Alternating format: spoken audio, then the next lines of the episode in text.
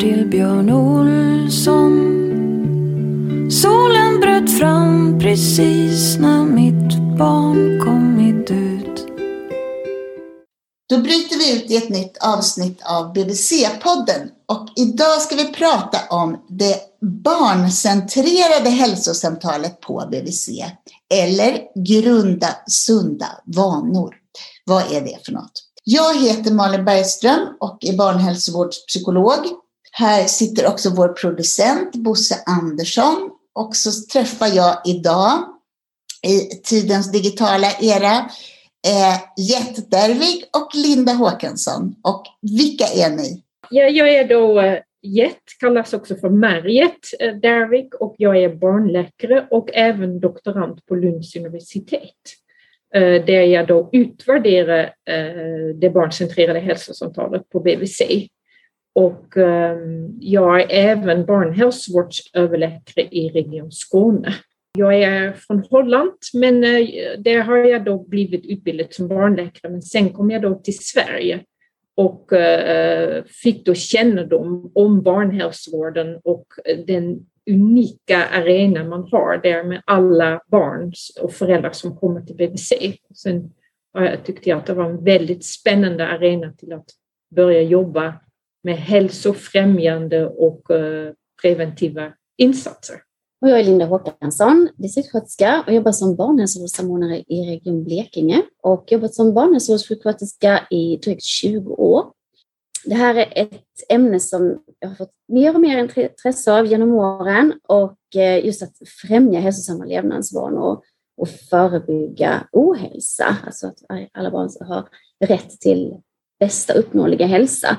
Och så möttes våra vägar för tio år sedan nu faktiskt, här på Kunskapscentrum för barnhälsovård och påbörjade då det här gemensamma arbetet. Och in, när jag frågar varför ni blev så intresserade av det här så undrar jag vad hälsosamma levnadsvanor egentligen betyder. För, för mig är det där begreppet så vitt och brett så att jag tänker att det kan inrymma precis allt och ingenting. Men levnadsvanor, när det gäller grundsunda vanor så kanske det skiljer sig åt vad man traditionellt tänker på när det gäller levnadsvanor, att man behöver göra på ett visst sätt, si eller så. Levnadsvanor är väldigt, väldigt brett och det handlar i grunden om att vad är det som får oss att må bra? Och det är ju högst individuellt skulle man ju vilja säga. Och det är det, och då handlar ju om allt. Det handlar om att äta, att leka, att sova, att ha goda relationer. Det handlar om väldigt, väldigt mycket egentligen som man kan väva in här. Så att grundsunda vanor handlar ju helt enkelt om att, att skapa förutsättningar för att få till eh, de här levnadsvanorna som får barn att må bra, växa, utvecklas och må bra. Hur får man ihop perspektivet då med att det här är ett barncentrerat samtal? För det tycker jag är så himla positivt och fint. Och samtidigt vill man ju inte att barn ska ta ansvar för sina vanor så. Men eh, när vi skapade då Grundesunda vanor, då gick vi förstås först, ville vi veta vad hade vi för, eh, vad fanns det redan för kunskaper? Och det var det då en eh, psykolog som jobbade i Stockholm som hade då spelat in två och ett halvt års besök och fyra års besök. och det var ett tjugotals sjuksköterskor som han spelade in. Och så blev det så tydligt att eh, man på BVC pratade mycket om det somatiska. Ja, på andra plats var det då att han beskrev att eh, man, det var mycket att skapa relation med barnet. Att det fick mycket plats, vilket är fantastiskt bra. Och sen kom då på fjärde platsen kom då att prata mat och på fjortonde plats kom att vi pratade om lek och rörelse. Och då var då eh, konklusionen att vi behöver, eh, för att kunna jobba med levnadsvanor, och så tänkte han då mycket för att förebygga övervikt, då behöver vi bli bättre på det. Och han hade till och med som slutsats att kanske inte ha barnen med alls. Och då tänkte vi, men nej, vi har barnkonventionen som vår grund, liksom, den är så viktigt för oss att barnet har rätt till sin hälsa. Vi behöver utveckla någonting som kan göra barnet delaktiga så att de är med i deras egen eh, hälsa. men också att det kan göra barnet delaktig och, och, och att, de, att man kan skapa en relation och skapa då det som man gör det mycket på eh, dessa besök. Så, så, så, så började det liksom att vi ville att barnet skulle vara delaktig. Men att vi också har med familjeperspektivet och att det är viktigt med att det är vuxna som sätter ramar, som har ansvar, men att barnet har rätt att veta vad som är bra för att må bra.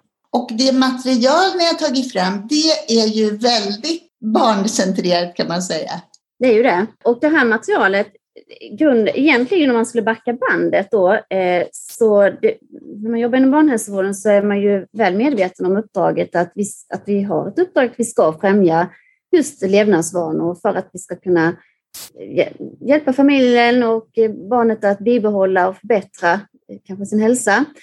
Eh, det handlar inte bara om förbättring, det är viktigt att påpeka, utan att många har ju en fantastisk hälsa och att det här handlar lika mycket om att prata och stärka det som faktiskt är väldigt, väldigt bra. Och det vi vet är ju att föräldrar vill samtala om sitt barns hälsa och framförallt handlar det ju om att lyfta fram och prata om mat, för det är det som kommer fram väldigt ofta, att det är viktigt för familjen att prata om. Men vi hade inga nationella riktlinjer eh, så sätt att, som sa hur vi skulle jobba, vad det skulle innehålla, vilket gör ju då att det ser olika ut, både i innehåll, struktur och förhållningssätt. Och samtidigt så kom det då en rapport eh, från Socialstyrelsen som visar att det faktiskt saknas en del kring det här med hälsopedagogik och ämneskunskap och som just personcentrerat förhållningssätt.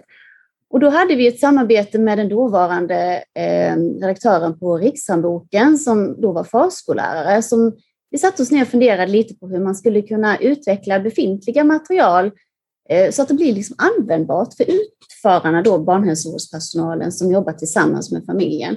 Och där i så föddes då idén att pröva göra lite bilder och pröva dem ute och använda dem som verktyg i hälsobesöken, hälsosamtalen. Så Därav så började vi skapa bilder och då gjorde vi det tillsammans med förskollärare och, bar och barnhälsovårdssjuksköterskor. Sen prövade vi ju dem i en lite mindre eh, pilot kan man säga eh, för att se hur detta fungerade vid eh, hälsobesöken och hälsosamtalen.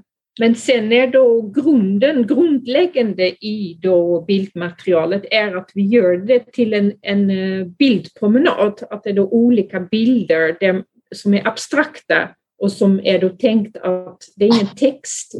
Och det är då viktigt för att barnet kan då liksom tänka fritt och, och, och att man kan använda bilden också i den följden eh, som man som sjuksköterska då tycker är, eh, ja, att passar då den sjuksköterska som jobbar med materialet och passar familjen framför allt så att man kan jobba med bilderna utifrån familjens behov och barnets liksom intresse så att man kan få, liksom det är det med att skapa en relation och att, att man kan sätta igång med ett samtal så att de, vissa barn är kanske i början lite blyga men då kan de börja peka och, och, och att sen kommer då eh, kanske ett samtal på gång. Att det är det med det abstrakta som är då viktigt att som vuxen kan leda barnet till att ha ett samtal. Och det som du nämnde, Linda, som var personcentrerat, är det det som mm. jag förklarade nu, som handlar om att man ska anpassa det här samtalet efter det enskilda barnet? Det stämmer. Att eh, det, som, det som symboliserar egentligen ett personcentrerat förhållningssätt är ju att man utgår ifrån barnet och familjen där de är. Eh, och det är där utifrån man liksom anpassar och fortsätter eh, samtalet. Sen kom när vi startade upp mycket forskning eh, som sa då att vi ska inte fokusera så mycket på det som man inte, som är ohälsosamt, men att man istället ska prata om det som är positivt och det som fungerar bra så att man kan förstärka det som familjen redan gör som är bra, att man kan bara förstärka det. För det var också en sjuksköterska som hade då sett att föräldrar vill jättegärna vara med och hjälpa familjen att få hälsosamma levnadsvanor, men att det är ganska svårt i en vardag där det är mycket stress. Och, men att de verkligen vill ha stöd då av barnhälsovården och av förskola att få stöd och support och hur man då kan, de saker som är bra, att man kan fortsätta eh, göra dem och förstärka dem. Ja, sen ville vi då för att kunna då göra den, att, att föra samtalet är det så viktigt att man kanske först har en modell, att man, att man förstår vad som ligger bakom. Så därför tog vi då det som vi jobbar mycket med inom barnhälsovården, salutogenes, det är då ett svårt ord för att eh, man ska fokusera på hälsa och hitta friskfaktorer, hitta styrkor och resurser i en familj så att man kan liksom eh, främja eh, deras hälsa så att de kan vidmakthålla deras hälsa. Eh, så det ligger väldigt i grunden att fokusera på det positiva. Så alla bilder handlar om saker som är bra för kroppen, som är bra för att må bra. Liksom det är det positiva. När ni har utvärderat det här, för ni har ju utvärderat det både med barn, sjuksköterskor och mammor. En pappa var med. vad visar det? Är, det? är det här en approach som man tycker om som sjuksköterska och barn och förälder? Vi kan ju börja från där vi började från början i piloten när vi testade det här med en liten, liten skala så framkom det ju att, eh, att man kände sig mer trygg i att man hade det här verktyget och att man upplevde att det var enklare att samtala om det som faktiskt kan vara svårt att prata om, framförallt att prata om mat. Jag tyckte sjuksköterskan var väldigt användbart och det, de tyckte det också var väldigt fantastiskt att helt plötsligt så blev barnen mycket mer delaktiga. Det var som en dörröppnare, de pratade. Det blev ett lättsamt samtal, det blev väldigt, eh, ja det blev väldigt annorlunda mot vad man upplevt tidigare. I den utvärderingen som vi gjorde där då så gjorde vi lite justeringar sen efteråt med bilderna som framkom eh, som man hade stått på under eh, den här piloten. Men sen fortsatte vi vidare då för att höra lite hur föräldrarna upplevde det här och det, det var ju då fördelat på eh, olika sjuksköterskor som hade fått eh, och vaneutbildningen som vi har då. Det framkom att föräldrarna tyckte om, eh, de upplevde att samtalet var bra, att eh, det som framkom var framförallt att man, man ville samtala, att man förväntar sig samtal, även om man känner att man har koll på och känner sig trygg med matvanor och andra levnadsvanor så kändes det ändå bra att prata med sin barnhälsovårdssjuksköterska vid samtalet, eller vid hälsosamtalet och fyraårsbesöket här. Man lyfte också att barnet var delaktigt, att det var så roligt att höra sitt barn prata, ha en dialog med en vuxen människa som man egentligen inte känner. Många föräldrar var väldigt imponerade av sitt barns förmåga att kunna föra ett samtal och prata och blev också förvånade över hur mycket barn visste och att man kände stor tilltro till sjuksköterskan. Man kunde prata om det svåra. Många föräldrar upplever att det är upplever att barn äter för lite och samtalet då i samtalet kunde man lyfta detta utan att det var svårt och att man blev vägledd i att faktiskt barnen äter lagom.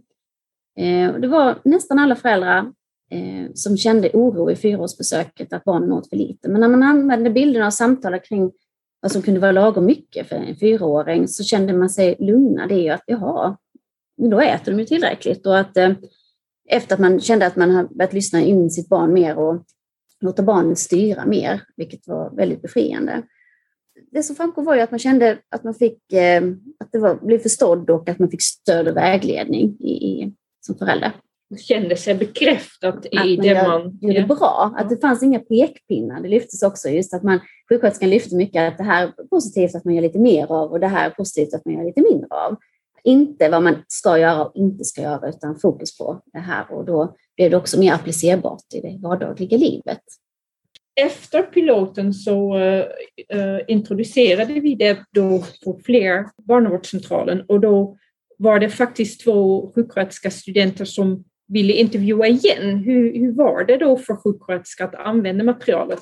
Och så blev det ännu tydligare att de tyckte att det gav så mycket struktur. Att ibland var det då tyckte de att det var känsligt eller svårt att ta upp eh, matvanor, men att nu hade de fått en struktur med bilder som var då riktat till barnet. Men vi är väldigt tydliga när man då går igenom bilderna Eh, att hur man placerar sig som sjuksköterska. Att jag sitter mitt emot barnet, men föräldrar eller de två föräldrar som är med eller flera som är med, de ska sitta med barnet så att barnet känner sig trygg så att det blir ett samspel mellan barnet och föräldrar och sjuksköterska på det sättet. Så att man riktar sig först till barnet men och ställa de, de frågorna som finns då med i en liten manual beskrivet på Riksanboken vilka frågor man kan ställa. Och då kan då barnet är det så naturligt att ofta få in föräldrar när de då pratar om eh, gillar du frukt, vilken frukt gillar du, hur ser det ut eh, hemma hos dig? Så att man får möjlighet till, man får väldigt mycket information om hur det ser ut i hemmet när det gäller levnadsvanor. Eh, för bilderna fokuserar då på mat, på dryck, på att röra sig, att sitta stilla, att borsta tänder och att sova liksom de rutiner man har innan man lägger sig. Och de tyckte att det gav struktur, det var en liten som en checklista, men de var också bra att kunna rikta sig till de olika familjerna, att man kan, kunde anpassa dem efter deras behov och att det var ett neutralt sätt. Som Linda sa, att, det var, att man kunde prata mycket om de positiva saker och kunde omformulera om, om det blir något negativt. Det är också det att man hela tiden vänder till det, att hitta de saker som familjen redan gör som är bra. Kan du ge något exempel på det, Jet? Hur man vänder det där, det negativa till det positiva? Jag tänker att ni hade en del citat i någon av era eh, studier som ni har gjort. Ja, att eh, nu är det då kanske det ordet med tjat, ibland att, att man då eh, pratar om det med söta dryck. Eh, och då kunde man då, fråga man barnet, ja, ja, här är då trollet som slickar sig runt munnen och vad uh, gillar jag mest att dricka? Nu kan Lina det mycket bättre, för jag har då inte haft samtalen själv, jag har bara suttit med och observerat. Mm. Och då eh, kan man då ta upp det med eh, juice och läsk och, och, då kan det då ibland vara att en förälder säger, ja hör du nu, det är inte bra för dig att dricka läsk hela tiden.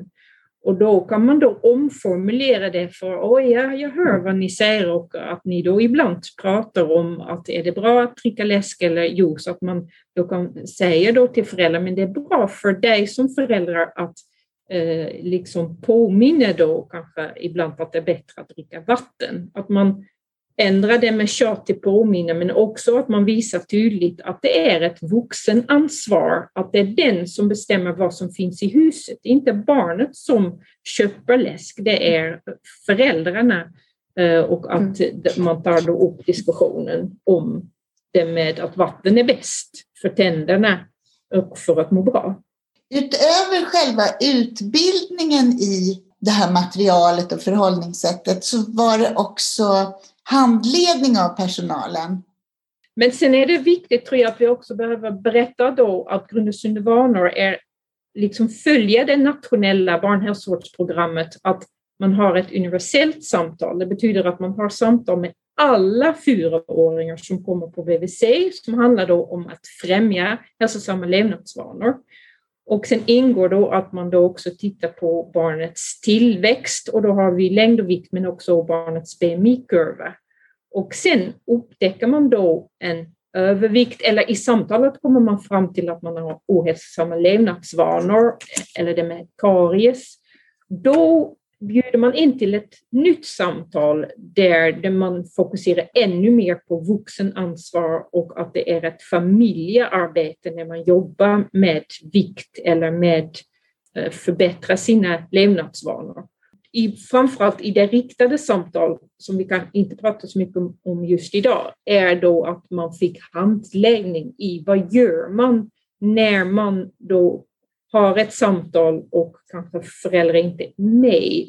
Eh, ja, att man kunde då i handledning kunde man då reflektera eh, kring hur samtalen hade gått. För ibland är det då eh, om man visar barnets BMI-kurva och den ökande tillväxttrenden så kan det uppstå att föräldrar inte är redo för att ta emot budskapet eller det är många känslor och att man då kunde uh, ha det i en grupp med andra sjuksköterskor, kunde berätta om sina erfarenheter och reflektera hur man uh, kunde bemöta föräldrar. Uh, så att, och framförallt, att, för det vi vet och det som också kom fram i BVC-podden som ni hade om samtalet om övervikt, att föräldrar vill gärna veta tidigt och de vill, vill få informationen men hur man berättar informationen är viktigt.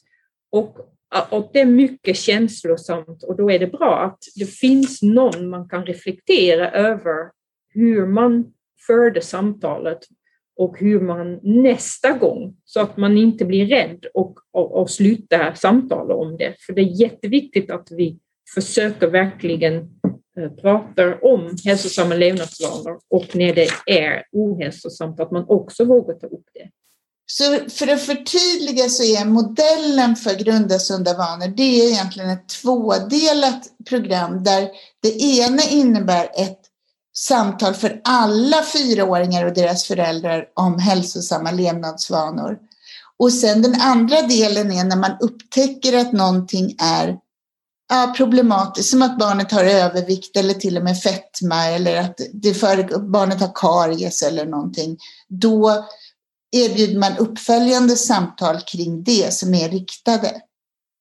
Och sen är det då viktigt i det riktade samtal att uh, man helst skulle vilja ha alla vuxna som är viktigt för barnets hälsa, att eh, de kanske kan följa med. Är barnet mycket hos far och morföräldrar så är det kanske är jättebra om man kan ha med dem i ett samtal där man då pratar med familjen om vad är det som barnet mår bra av och igen tar det positiva men att hela familjen är med så att inte då en förälder får stöd och, och har då Ja, att, att det är fler som hör budskapet och att det handlar om barnets bästa.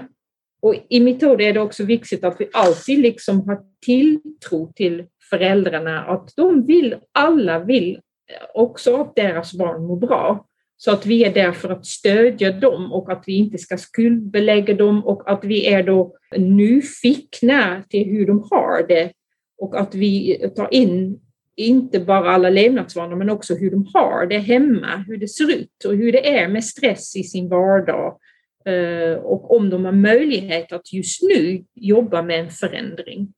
Jag funderar på, du berättade tidigare Jet att en tidigare studie hade visat att man drog sig för att prata om, om mat. För jag mm. trodde att det var vikt som var känsligt att prata om som BHV-sjuksköterska, men nu förstår jag att till och med att prata om mat och vad barn äter är känsligt. Mm. Och att det verkar vara en del av framgångskonceptet här, att man får en modell för att göra det på ett positivt sätt. Varför är det där så känsligt? Ja, det är en bra fråga. Jag, jag tar bollen här, tänker jag, som har tittat lite mer på det. Och eh, dels så visar ju flera studier att det är det som är det svåraste för sjuksköterskor att prata om. Vi har stora grupper av barnhälsovårdspersonal så är det mat som man lyfter som är svårast att prata om. Och det är ju att man har själv kanske eh, egna ideologier som person. Eh, familjer har olika, olika ideologier. Det finns mycket kulturella inslag och det, kulturella inslag finns olika, skiljer sig från olika regioner, olika kontext. Alltså det är så otroligt olika och då blir det också knepigare att vägleda. Lite rädsla, att man kanske inte har tilltro på rekommendationer som finns. Att det har varit, eh, och det framkommer också i Socialstyrelsens rapport, just det här att ämneskunskaperna eh, just kring mat behöver bli eh, lite bättre. Och oss som jobbar med det här, barnhälsovård, ska vara kunna hjälpa till att stödja familjerna. Och en poäng i det här materialet, det var att många föräldrar är oroliga att barnen äter för lite. Och mm. att man visar, det här lilla trollet visar med händerna hur, att man ska äta så mycket som sin handflata av olika, vad det nu är, protein och grönsaker och kolhydrater. Och det visar ju sig då i, i våra studier att det var ju oro att barnen äter för lite och det har ju sjuksköterskor ofta sagt att föräldrar är ju väldigt oroliga. Sjuksköterskorna tyckte ju att den här bilden med handmodellen var otroligt bra verktyg att samtala kring och det var den som föräldrarna också lyfte som eh, man tyckte att var enkel att applicera. Eh, den utvecklades ju en gång i tiden egentligen överviktsarbete men här blev den ju användbar för familjer som var oroliga att barnen åt för lite och att man då kunde få bekräftelse att barnen äter faktiskt lagom mycket och att man äter varierat. Det finns liksom inte att man äter lika mycket vid varje måltid eller varje dag, utan det ser olika ut och att det här är liksom ett litet mått på vad som kan vara ungefär lagom. Och det var väldigt, väldigt eh, uppskattat att få det här verktyget, eh, tyckte föräldrarna då. Och sen behöver man då också det, man visar inte bara bilden, men sjuksköterska brukar då också liksom ta sin hand och jämföra det med barnets hand. Det handlar mycket om att jämföra, att det också är då att ett litet barn ska inte äta så mycket som en vuxen eller som en storebror eller en stora syster så att man att verkligen ser att man är en liten kropp så då har man också, behöver man också äta mindre än en vuxen eller en stora syster eller stora bror. Men det, men det som då också var roligt, för vi har då utvecklat bilderna tillsammans med förskolepersonal men inte med barnen. Och det realiserade vi oss då senare att vi måste också fråga barnen. Vad tycker de om bilderna? Och just hantmodellsbilden, när jag, jag har då observerat barnen och har intervjuat 16 barn. Och då var det så att eh, när jag då ville, jag frågade då dem eh, om vad berättar trollet här? Jag hade en liten docka med mig då, trollet. Och då eh, sa de då, ja men här berättar trollet att man får äta med händerna. Och då mm. var det lite att de skrattade lite. Så ja men berättade ännu mer. Ja men då hade de förstått att man ska äta en hand av varje också. Då med att inte bara äta pasta eller bara då proteindelen. Men sen frågade jag, men säger det också om hur mycket man ska äta? Och det hade de inte förstått, eller det kom de inte ihåg. De kom ihåg att man tog en hand och jämförde händerna men varför. Och sen när jag då började lyssna igen på mina observationer och sen frågade barnen, då är det många gånger att de räknade på händerna. En, två, tre. Och några barn frågade rakt ut, men varför har den personen tre händer? Varför är det? För den har då samma färg på kläder. Så de var liksom så inne i att de vill så gärna förstå budskapet. Det var så roligt med barnen att de verkligen tittade på barnet och ville då, men vad är det som den bilden säger?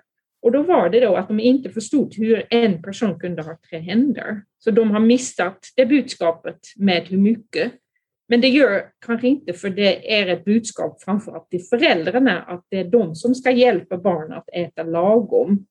Men barnen hade då också förstått att man fick äta med händerna och det problematiserade de då också att de sa ja men, ja men visst en banan kan man äta med sina händer och kanske en tomat. Men det blir kladdigt med att äta spaghetti eller köttbullar med händerna. Så det var väldigt roligt hur de liksom tog till sig eh, budskapet. Det där känns som en ganska bra liksom, instruktion på att vi ska kolla av allting vi gör med barnen. Exakt, och det visar sig att de uppfattar helt andra grejer än vi. Och det har ju också gjort att vi fortsatt utveckla det här bildmaterialet utifrån det som framkom, barnens erfarenheter. För vi måste ju, det är ju ett barncentrerat samtal och bildmaterial och då måste ju målgruppen ha förståelse och så då är det då en ny revidering som pågår för det här eh, bilderna. Så Där inte troll har tre händer? Den, trollet har olika färger, de har olika händer så det ska se ut som att det är tre olika personer men varsin hand istället så man kan prata kring det. Så det är olika färger på kläderna och så kommer det också en liten tallrik på handen så att man inte ska fastna i att man blir kladdig om händerna här. Vi måste liksom möta upp barnen och kunna prata kring det och kanske prata på ett annat sätt kring bilden har vi också lärt oss för att barnen då inte ska fastna kvar i det här, utan den erfarenheten har vi fått med oss. Så det kan vi ju prata om eh, i samtalet, vad barnen tänker kring bilden. Men det jag tyckte var så roligt med barnen också, att de andra bilder förstod de mycket bättre än jag som då hade utvecklat till exempel det med tand, eh, när ett trollet borstar tänderna och det finns där en moln och en sol. Och det är nog illustratören som medvetet har ritat in det, men det budskapet blir jättetydligt för barnet när man då frågar hur många gånger ska du eh, borsta dina tänder? Ja men hallå, det finns en måne, det finns en sol. Två gånger om dagen, det är jättetydligt. Förstår du inte det? Så då, det är väldigt um, att barnen snappar upp bilderna så snabbt och att det är bra att få deras uh, åsikter. Så det är nog också, den, det finns en bild med mycket mat på och den tyckte jag själv var lite svårt. Men det hade jag då eh, flera barn som hade en allergi och de pekade direkt ut, ja men jag får inte äta ägg, för det tål inte jag. nej. Och, och, då var det då ett fyraårigt barn som visste exakt vad de kunde äta och inte äta. Så de, de har redan jättemycket kunskap om vad är bra för att må bra. Liksom vad är bra för mig? Vad är bra för min hälsa? Får jag fråga, den här modellen att prata med barn på ett barnanpassat sätt som ett sätt att nå föräldrar. Är det någonting som ni tänker att det här borde vi använda oss mer av inom barnhälsovården eller gör vi redan det? Bra fråga. Eh, jag tror att vi gör det bättre på andra områden eh, när vi gör något, eh, något någon, eh, om man nu får kalla det för intervention, som man faktiskt gör när man gör eh, eh exempelvis synundersökning eller undersöker barnets hörsel, så gör vi ju det på ett sätt med barnet och föräldern är ju bredvid samtalet kring levnadsvanor har ju varit isolerat riktat till föräldern där barnen har gjort någonting annat. Det, det, det är ju den erfarenheten vi har. Efter, och jag har den också efter så många år i barnhälsovården. Och det lyfter ju också föräldrar som har varit, haft äldre barn, att de tidigare har haft en dialog bara med sjuksköterskan, framförallt när det handlar om mat. Och sjuksköterskorna säger ju också det är så vi har gjort. För det har varit ett, litet, ett område som har varit lite svårt att prata kring. Så att Absolut, vi behöver, behöver mycket, mycket bättre på att tänka på att det här är barnets besök och att barnet är, det är de vi jobbar för. Och att våga prata med barn. Och vi ska inte prata på ett sätt som på något sätt är varken stigmatiserande eller hotfullt. Aldrig någonsin använda uttryck och begrepp som är, utan vi pratar på ett sätt som, som är anpassat efter barnets mognad. Och det framkom ju i studien att föräldrarna upp, uppskattade det här samtalet, hur sjuksköterskan samtalade med barnet och att barnet var delaktigt, att det var enkelt att samtala om de olika levnadsvanorna och att man önskade sig ett material med sig hem. Och då vill man ha de här bilderna för att kunna prata hemma på liknande sätt, fortsätta. Och då utvecklade vi en minibok då eh, som alla barn får med sig hem efter hälsobesöket. Så man kan prata på det här utifrån det hälsofrämjande förhållningssättet, det salutogena, eh, hemma med hela familjen. Vad ville du säga Jet? Nej, jag, eh, jag ville säga att när man då introducerar grund syndvanor då är det nog bra att man eh, det jag sa tidigare, att hur man då sitter, att det är viktigt, att föräldrar är med, att det, och att när saker kommer upp, till exempel har vi hört också att när man har då de söta dryck, då finns det då ett glas som vissa barn säger att det är saft, men vissa barn säger också att det är vin. Och då är det också bra att man inte låter bara det vara, när man då hör någonting, att man då involverar föräldrar eh, i samma samtal. Så att man går vidare med det, att man då frågar, ja, att man bara är nyfiken och ställer följdfrågor och öppna frågor så att det inte bara ligger kvar. Det så att det inte blir ett, bara ett samtal med barnet, men att det är verkligen ett samtal med barnet, men att man involverar då även Eh, de vuxna som är med i samtalet. Och vad gör man då till exempel, Gert? Säger man så här, ja du tänkte att det var vin i glaset, får barn dricka det? Eller hur gör man? Det har ju framkommit eh, ett par gånger. Det, det kan vara väldigt obekvämt för föräldrarna som gärna vill berätta vad, det, vad, vad barnet menar och man får inte liksom fastna i det här utan man får ju ta det vidare sen naturligtvis. Men eh, barn berättar sig väldigt mycket. Eh, det är en väldig dörröppnare så man får ta del av väldigt mycket kan man säga ibland. Eh, och eh, ibland så är det ju som jag sa lite obekvämt för föräldrarna kan man nog säga. Men man måste ändå kunna rama in det och göra något positivt av det. Och sen när det gäller andra levnadsvanor, för det inledde vi ju med vad är levnadsvanor, så är det ju också levnadsvanor som föräldrarna har som påverkar barnets hälsa, där ibland då alkohol och tobak. Men det inryms ju inte i det här bildmaterialet på det sättet, så att man, utan då är det mer ett föräldrasamtal som vi också behöver prata kring. Jag tror det är viktigt att bekräfta barnet. Jaha, du säger att det är då vin i glaset mm. Eh, och vem får dricka vin? Jaha, vem är det då? Och att mm. man då tar det vidare. Ja, eh, hur har ni det hemma? Är det något ni vill prata om just idag? Och får, ni får gärna berätta så att man fortsätter i det och framförallt då få föräldrar med i diskussionen och, och, och, och det kallas då för kontextualiserat. Man vill se det i, eh, i deras kontext. Vad tycker de om just att vi säger att man får bara eh, dricker läsk eh, en gång i, i veckan. Eller, eh, för det är också viktigt tror jag att man hela tiden har med sig, vi, vi pratar om det positiva, det som är bra för kroppen, men visst, det finns sötsaker, det finns söta dryck och vi får, vi får äta och dricka det men inte alltid. Det är det man måste då få diskussionen att det är det viktigt med att ha en struktur, att ha kanske ett ramverk, att man som, som en vuxen, som en förälder ger liksom strukturen att ja, men då får vi ha det, men inte alltid. Jag tänker på alla gånger som jag har varit med om något liknande när mina barn har berättat saker som man inte älskar, både på förskolan och på BVC och så. Alltså det hade varit skönt om de där sakerna hade blivit uppfångade så att man inte gick därifrån och kände att man måste ringa upp eller förklara sig för att man vill förminska det där som lät så hemskt. Och det är jätteviktigt, precis som Jet säger, och det jag menade med det här att man inte ska fördjupa sig i det precis där och då. Det är viktigt att man får prata och att man får komma till tals och berätta. Och det, det, ge, det är väldigt fantastiska samtal för barn att prata när de ges möjligheter. Um, och det är faktiskt helt fantastiskt. Och det som är unikt är just precis det här att här levererar man inget färdigt paket med ett innehåll som är lite traditionellt i, i hälso och sjukvården, även i barnhälsovårdssammanhang. Där vi tänker att det här har föräldrarna och barnet nytta av, för vi vill ju att alla ska må väl. Och då har vi redan paketerat vad vi tycker att man ska göra, både när det gäller mat, lek och sömn och tänder.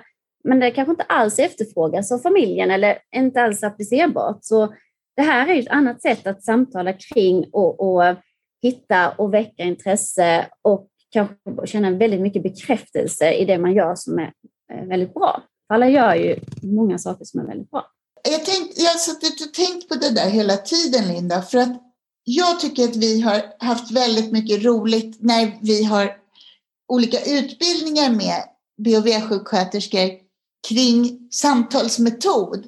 Att det mm. finns en sån stark tendens att ge råd och mm. ett hålla truten och inte ge råd utan att mm. istället fördjupa ett samtal som man som psykolog är mycket, mycket mer skolad i. Det där har varit så många roliga krockar när vi har diskuterat och tränat sånt där ihop. Men jag tänker att det måste ju också vara en, en, ett kärnkaraktäristika i den här modellen att man inte ska ge råd utan att man ska få ett samtal att flöda det är det som skiljer den här modellen åt och, eh, och verkligen trycka på. Eh, det är, vad ska man säga, kan man säga det är ett slags paradigmskifte från hur det ursprungligen var, hur vi sjuksköterskor och läkare, för att säga till Eh, stöpta i från början att vi är väldigt hjälpnödiga att vi tror, alltså tänker att om vi levererar alla de här råden så blir det jätte, jättebra.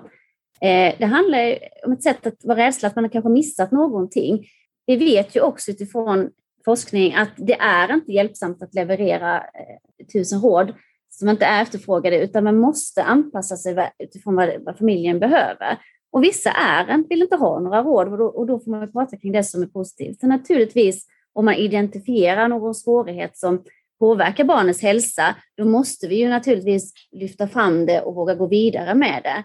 Men eh, det är hela tiden den här balansen så, som behövs till att ha det här förhållningssättet, att våga vara tyst, lyssna in och bekräfta och vara nyfiken, reflektera, att hela tiden ha den här, vad ska man säga, dansen i samtalet. Oerhört viktigt, för det är det som är framgångsrikt och det är det som också visar sig när vi gör de här uppföljningarna, både med sjuksköterskor och föräldrar, eh, att man, ty man tycker det är väldigt eh, tilltalande att få, få, få prata på det här sättet. Om vi pratar vidare om de här utvärderingarna så vet mm. jag att du Jet ska disputera i år och att du främst då kommer att presentera studier kring det som är egentligen steg två i grunda sunda vanor, det vill säga hur effekter och andra studier kring hur det blir att samtala med, med barn och föräldrar på indikation. Stämmer det?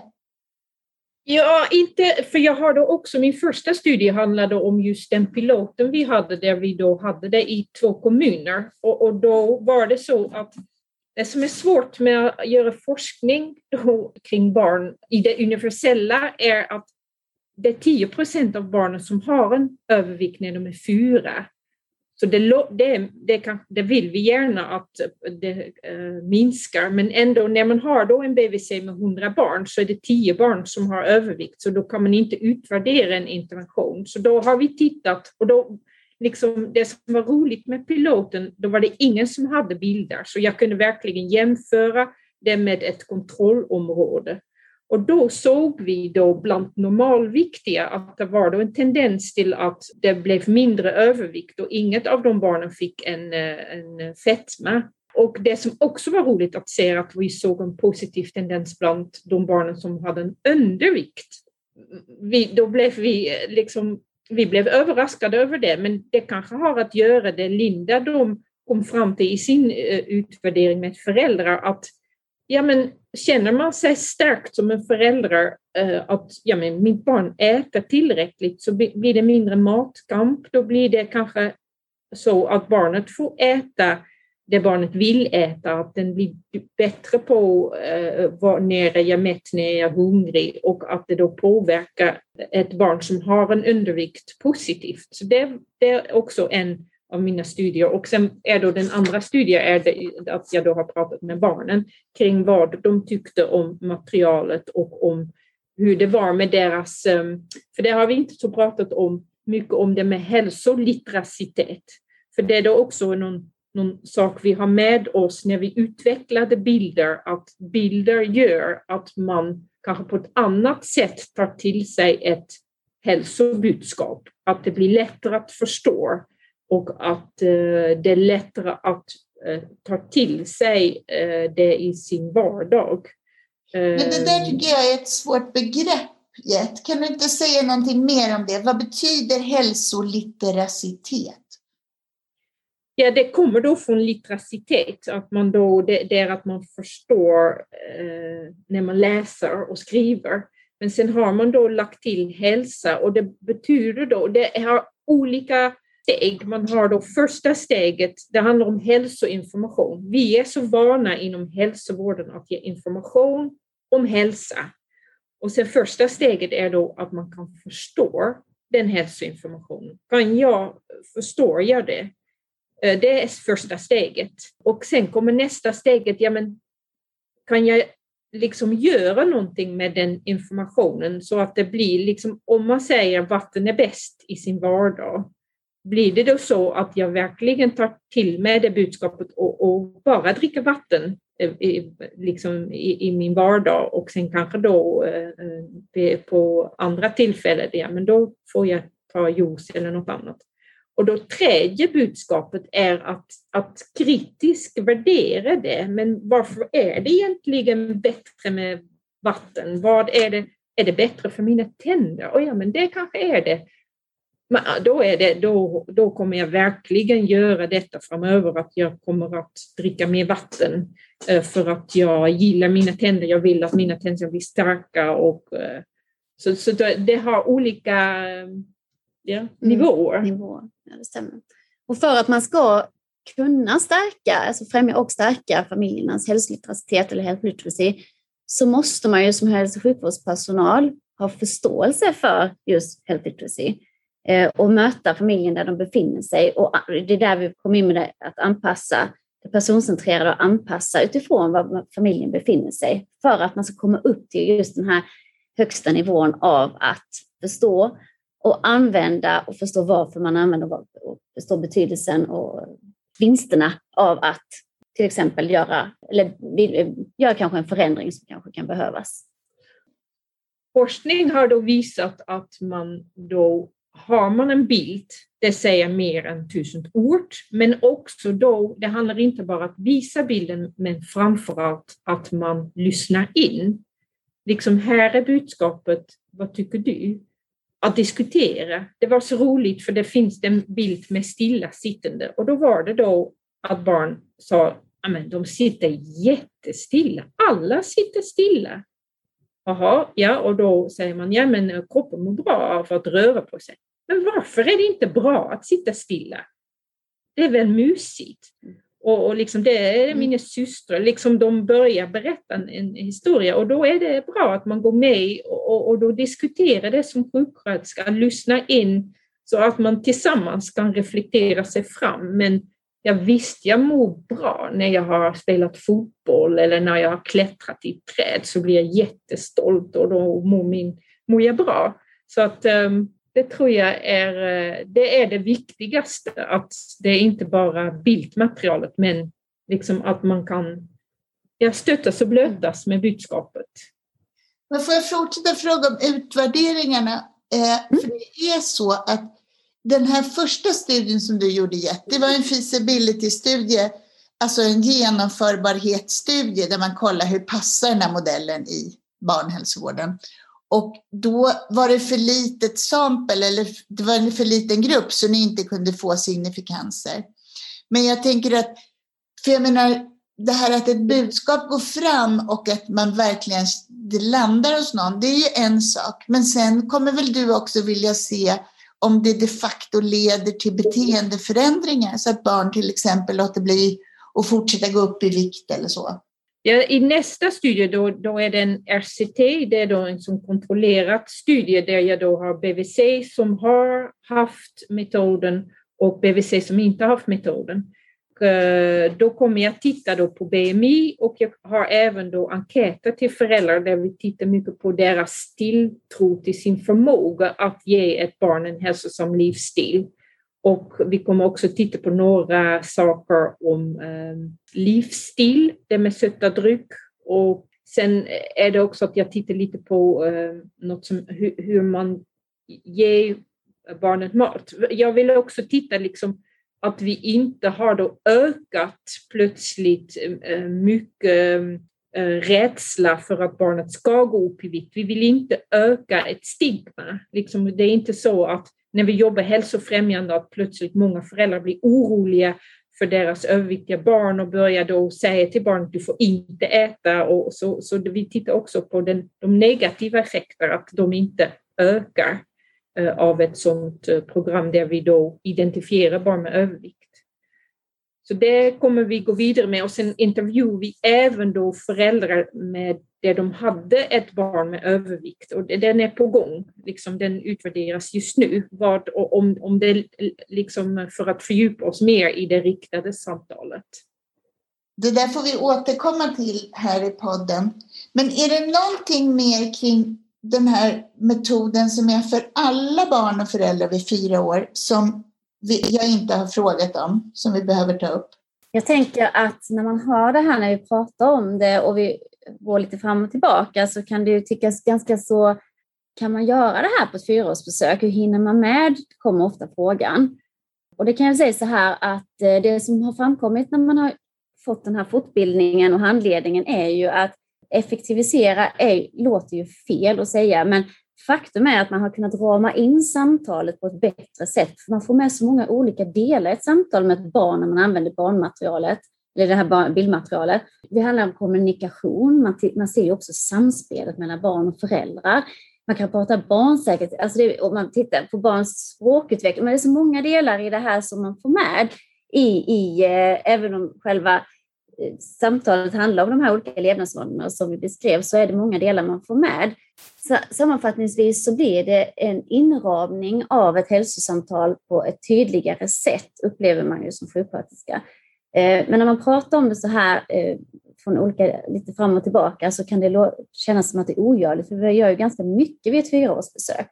Men som sagt, det har blivit de som har arbetat med det här i flera år och eh, de, de vill ju inte vara utan det här utan har ju fått till det här besöket på ett bättre sätt. Sen tror jag det som kom fram i min första studie, det, som vi var inne på lite, det med handledning, att det är nog viktigt, för vi var då också inne på hur gör man då när man upptäcker någonting och behöver då involvera familjen.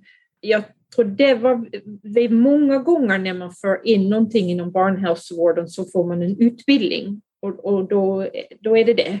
Men vi behöver återkommande Eh, moment där man kan reflektera kring hur gick det då och, och blev, så att man kan få feedback. Och det, det får man då, eh, jag vet att vi till exempel att eh, Region Kronoberg, det där har de då också startat och då, då tror jag det var då barnhälsovårdspsykologen som hjälpte till till att kunna reflektera kring metoden.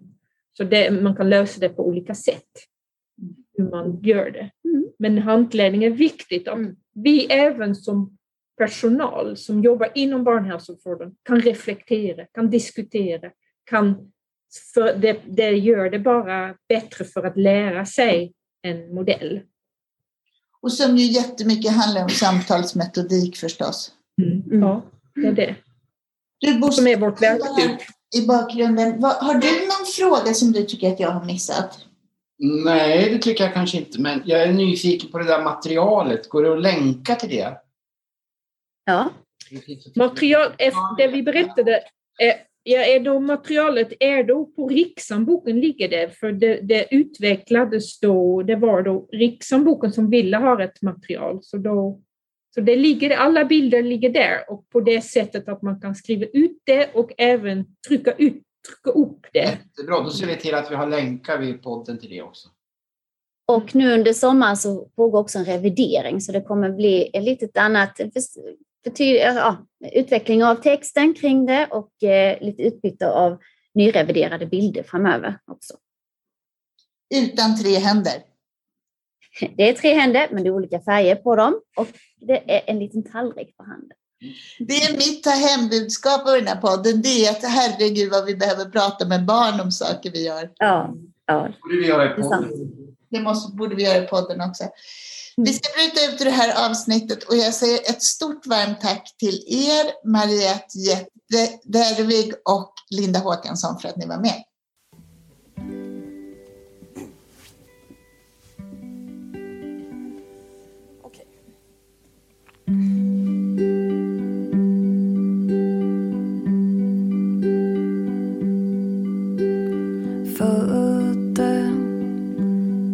Barn till Björn Olsson.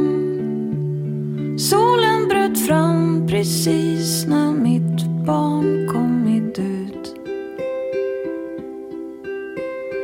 Låg i en pöl av svett och blod. Barnmorskan sa jag såg din spelning på Luleå kultur. Fåglarna sjunga om vår. Har alltid velat känna ingenting. Har för mycket tankar när de strider blir det wrestling. Hur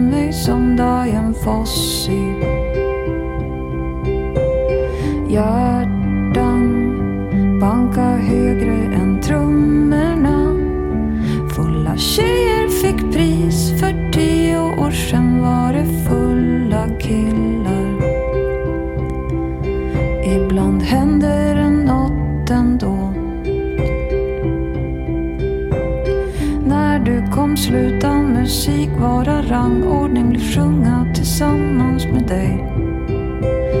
Din lilla röst ropar du var, du var Det är allt. Och jag som spelar till. Och jag förstår musik